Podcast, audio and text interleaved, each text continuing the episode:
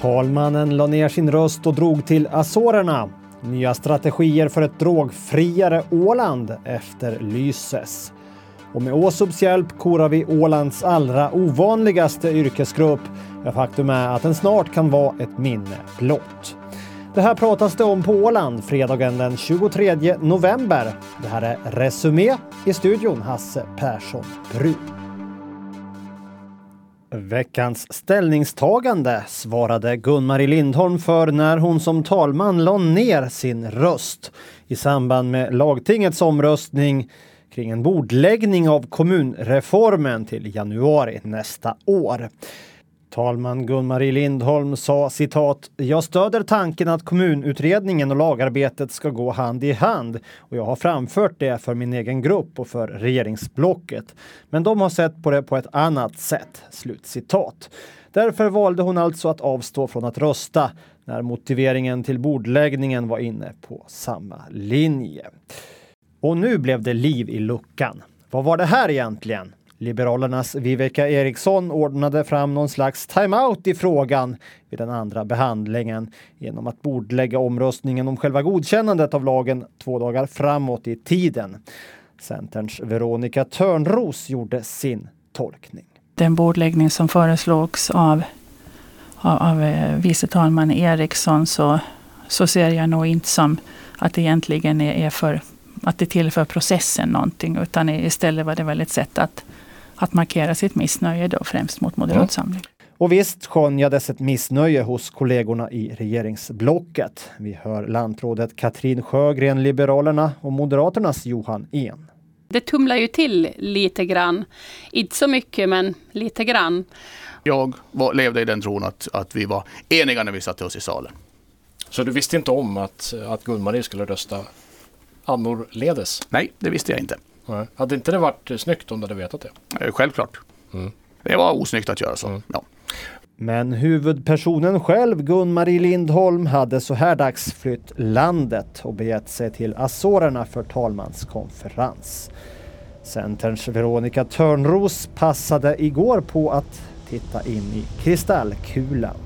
Eh, omröstningen kommer att sluta 15.30 2017 där, där regeringspartierna med en mycket, mycket liten majoritet driver igenom en tvångsreform eh, som rör i princip hela Åland och alla ålänningar. Och vi får bara be en bön till högre makter att den fäller i lagstiftningskontrollen. Man ska vara försiktig vad man önskar sig. Vi har problem när vi har små kommuner och deras ekonomi. Så att jag tror att det stärker Åland med en kommunreform.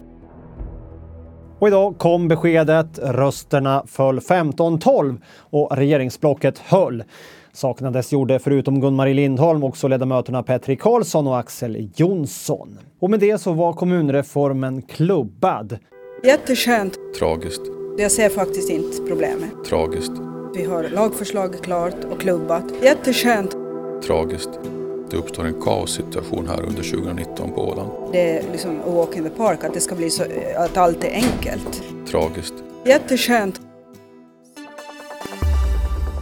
Veckans ovanligaste är inte vård, omsorg och sociala tjänster. Nej, det är de branscher som sysselsätter allra flest ålänningar. 2723 personer jobbade inom den sektorn. Eh, under år 2016 enligt statistik från Åsub. Den vanligaste yrkesgruppen det var närvårdare som det fanns totalt 1000 av år 2016. Och jag är här tillsammans med Oskar Sund och Lili Chubrk. Frågan är väl eh, varför just ni vill bli närvårdare. Vad säger du Lili? Um, jag alltid vetat att jag vill jobba med människor så det är den främsta anledningen. Och jag tycker om att hjälpa människor så det är nog därför. Och jag tycker om att jobba praktiskt. Så att, ja. Och vad har du för orsaker då, Oskar? Ja, dels har jag alltid velat jobba med, eftersom jag har en par utvecklingshämmade i min släkt, så har jag alltid velat jobba med sådana. Och då är närvårdare det lättaste sättet att få göra det. Men här i Resumé tänkte vi ta en titt i den andra ändan. Vad är egentligen det ovanligaste yrket på Åland? Vi frågade utredare Jonas Karlsson vid Åsub som svarade att det ovanligaste arbetet är ju förstås ett som inte praktiseras alls på Åland. Dessa yrkesgrupper har alla noll sysselsatta personer. Eh, han nämner kategorier som yrkesutbildad personal inom militären och spårtrafikförare. Men sen så finns det fyra yrkesgrupper som vardera sysselsatte en person år 2016. Här har vi nu listan.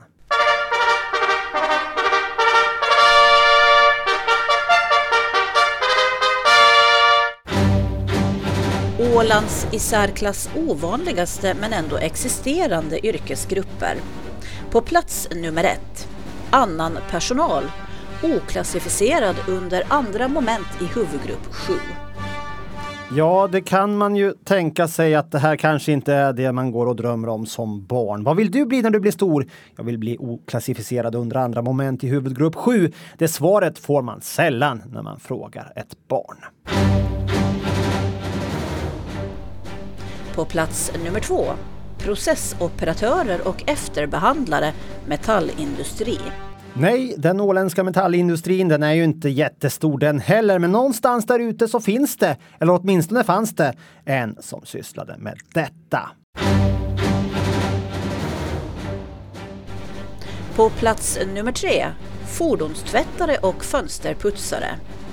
Och här är någonting lurt för att visst finns det städfirmor på Åland som utför fönsterputs också. Jag tror inte bara det rör sig om en enda firma. Hur som helst en yrkesgrupp som kan tänkas ligga i riskzonen framöver om vattenbristen skulle fortsätta. Att tvätta sina fordon, att putsa sina fönster, kanske en lyx som man inte bör unna sig eller kanske får unna sig i framtiden. Vem vet?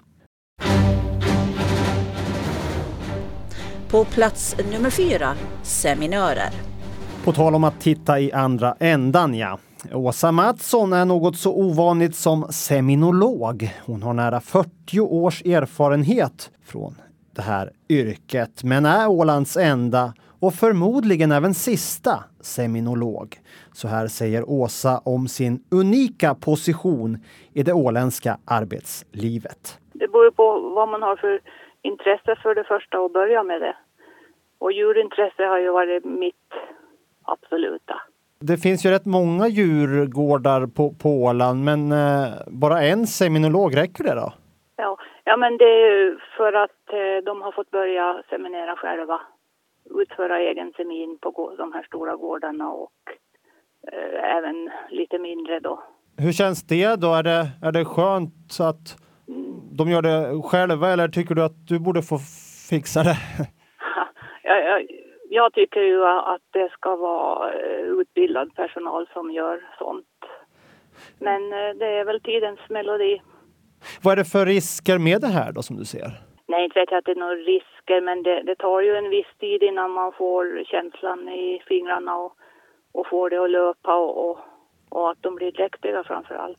Men det är ett ja. yrke med fingertoppskänsla i alla fall? Absolut, det är det nog. Eh, ser du någon risk med att de kommer göra dig arbetslösa till slut? Det, det blir ju så. Och vad, vad har du att falla tillbaka på då? Ja, jag ska väl så småningom bli pensionär kanske. Ja, just det. Ja, jag har ju hållit på snart i 40 år. Eh, men är det ensamt då? Jag menar, du har inga kollegor och dricker kaffe med på rasten? Jo, men jag, jag, ju- jobbar ju under Hushållningssällskapet. Just det. Så där har jag mina kollegor om jag, när jag åker dit då. Och sen eh, det är ju väldigt so- socialt. Man träffar ju sina jordbrukare dagligen så att det är inga problem. Och man ventilerar det mesta när man är på besök då. Mm. Vad som är aktuellt. Ja, just det. Alltså det finns ju massa närvårdare visar den här kartläggningen från Åsub, hur många som helst nästan. Men, men du är ju unik på det här sättet. Vad, vad, vad ställer det för krav på dig att du måste vara du måste hålla dig frisk helt enkelt. Du får inte krokna i influensa. Nej, jag har väl varit frisk. Skulle du rekommendera andra att eh, utbilda sig till det här? Ja, om det, om det fanns eh, underlag för det så. Men du tror kanske att Åland inte... Nej, det, det håller ju. Räcker. Det är ju bara, det är ju just under 30 mjölkgårdar. Mm. Det finns inga underlag för att utbilda sig och, och börja nu heller. Det finns inga jobb helt enkelt. På tal om influensa ja, det leder oss in på veckans halvtomt eller halvfullt. För eh, endast hälften, eller omkring 53 procent av personalen inom OHS som omfattas av de nya vaccinationskraven har de facto vaccinerat sig mot säsongsinfluensa. Det meddelade chefläkare Olli-Pekka Lehtonen i veckan. Han ser allvarligt på den här frågan. Avgörande är att vi bör minska smittan på Åland.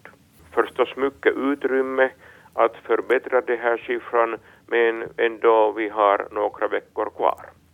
Och det är alltid det här att om, om det här glaset är halva fullt, halva tomt, men att, att nu det är på halva vägen och om det skulle va, ha varit till exempel 10 procent så det skulle vara bekymrat. Men faktum är att det nu återstår en hel del arbete med att motivera den andra halvan av personalen att faktiskt fullgöra den vaccinationsplikt man i princip står inför. Jo, tårtorna har inte faktiskt delats ut men att den metoden förstås återstår. Annars är det risk för att det är ett litet runt och mjukt paket som de anställda vid OHS har att vänta detta år. Möjligen behövs till exempel att eh, anställda måste ha skyddsutrustning, till exempel munskydd. Veckans trendbrott var när HUI Research presenterade årets julklapp, det återvunna plagget. Efter sex år på raken med tekniska apparaturer så kom trendbrottet som på samma gång eh, tar fasta på trenden med att återanvända och att tänka hållbart. Ett slag i ansiktet på alla de handlare som hoppades på att kunna erbjuda årets julklapp i just sitt sortiment, inte minst under Black Friday. En som däremot jublade, det var Emmaus Marta Hannus. Jag tycker att det är jätteroligt att äh, återvinning och mer miljöperspektiv kommer in i årets julklapp som ju har varit ett ganska kommersiellt fenomen. Den enda baksidan med årets julklapp är att det ju aldrig är speciellt roligt att ge bort något som mottagaren redan har i överflöd. Vilket ju är i det närmaste ofrånkomligt om man ger bort gamla kläder. Veckans Hur tänkte ni nu egentligen? I veckan hölls en nätverksträff på Åland med paneldebatt och föreläsningar under rubriken Med samlad kraft för ett drogfriare Åland. Just det, drogfriare, inte drogfritt. Man eh, skulle ju lätt kunnat eh, samla kraft för ett drogfritt Åland, men frågan är, blir det då en utopi? Sätter man upp orimliga krav med en nolltolerans? Och är det då bättre att gå på den säkra sidan med förbehållet att en enda gräsrökande ungdom mindre gör att man uppfyllt målet? Då har ju Åland blivit drogfriare. Man har då uppnått målet men ändå inte gjort speciellt stor skillnad. Det här går att tillämpa på en rad andra områden. Man skulle kunna tänka sig en strategi för lugnare klassrum. Kan vi sänka decibeltalet till 90 istället för 100? Ja, då är mycket vunnet om vi hårddrar det hela. Strategi för en godare vrakchampagne. Från odrickbart till tämligen odrickbart. Det är någon form av uppryckning i alla fall. Man skulle kunna ta fram strategier för en konstruktivare lagtingsdebatt. Att hoppas på en konstruktiv debatt är kanske att spänna bågen till bristningsgränsen. Hur bör man egentligen gå tillväga när man sätter upp och formulerar mål med sina strategier så att man inte tar i för mycket för att tappa trovärdigheten men så att det inte blir för mesigt så att ingen tar det riktigt på allvar. Vi ringde upp Mikael Larsson, utvecklings och hållbarhetsstrateg eh, vid landskapet för att föra ett resonemang med honom. Jag tror inte det finns något, något, något rätt eller fel eh, i den här frågan, men däremot så tror jag det är väldigt viktigt att göra skillnad på visioner och mål. Och vad är den skillnaden? Ja, för den, den stora skillnaden i mitt perspektiv att se på det, det är att visioner, det är egentligen drömmar. Just det. Ett drömscenario. Det är dit vi vill nå någonstans i framtiden. Medan mål, de, eh, de är betydligt närmare i tid och de, de ska vi uppnå. Eh, så, så egentligen så, svar, så visionen är svaret på frågan vad är min dröm? Mm. Eh, vad är mitt drömtillstånd i framtiden? Medans, medans eh, mål är svar på frågan vad vill jag uppnå senast nästa år, nästa nyårsafton eller nästa eh, om fem år. Men om vi tar utgångspunkt från utvecklings och hållbarhetsagendan då, som ju du har arbetat mycket med. Ja, där har det varit oerhört viktigt att jobba både med vision och med, med, med tidssatta mål av det skälet att det vi försöker tillsammans skapa här på Åland eh, i och med utvecklings och hållbarhetsagendans vision och mål är ju ett, ett ganska, en ganska omfattande förändring av de sam, det samhälle vi lever i idag. Mm. Eh, och, och när vi tittar på den förändringen som, som vi då kommit fram till behöver göras i och med att vi vill ställa om till ett hållbart samhälle till fullo så är de, de förändringarna är så stora att, att vi kan inte riktigt överblicka hur vi ska nå dit. Eh, men vi måste ändå tillåta oss att, att vilja gå i den riktningen. Eh, och därför behöver vi visionerna. Eh, och, och, och, men vi behöver naturligtvis också eh, göra saker och då behöver, då, därför behöver vi mål eh, med, med en kortare horisont. Låt oss säga tre år framåt eller fem år och tio år. Eh, så att vi på det sättet vet vad vi ska uppnå på korta horisont. Sen vet vi att under resans gång kommer vi lära oss saker som gör att vi får förändra målen eh, och så vidare. Men visionen ska man inte förändra så där över en dag? Väl, nej. Det är väldigt viktigt att, att man är försiktig med att ändra visioner och det gör ju också att, eh, att man, man behöver vara väldigt noggrann när man, när man eh, fastställer dem. Sen beror det ju förstås på vilket sammanhang det handlar om och hur lång process man håller på med. Men i det här perspektivet, när det gäller att liksom, jobba med, med ett helt samhälles eh, utveckling och, och, omställning, så då är det viktigt att, att, att inte hålla på och justera visioner allt för mycket. Mål kan man justera då, men inte visioner eller? Ja, jo, så skulle jag, det är min rekommendation. Vi började ju här någonstans med det här med att eh, göra Åland drogfriare. Skulle du säga att det är det är målet då på kort sikt, men att visionen borde vara att Åland ska vara drogfritt då, eller? Jag tror man måste, nu, är inte jag insatt i det arbetet, så, så det, jag kan inte riktigt uttala mig. Men den fråga jag ställer mig när du, när du nämner det här är ju att, att är det en vision vi pratar om eller är det mål?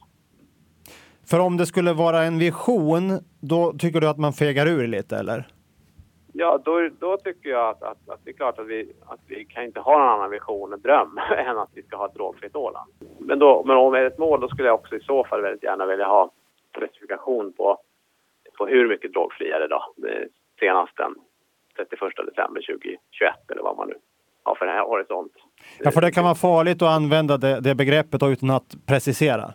Ja, och anledningen till det, det är ju att det, för oftast brukar det vara så att det, det är personer som ska försöka förverkliga de här målen eh, och, och för att man ska kunna liksom planera aktiviteter och åtgärder som ska uppnå målen så, så är det hjälpsamt om målet är, är, är specificerat tydligt. Så, så, det hjälper att hur man ska liksom förhandla, vilka resurser behöver vi för att nå det här målet eh, och så vidare. Du har lyssnat på Resumé. Glöm inte att du kan höra av dig till oss via adressen resumé alandsradio.ax. Jag heter Hasse Persson Bru och vi hörs igen om en vecka.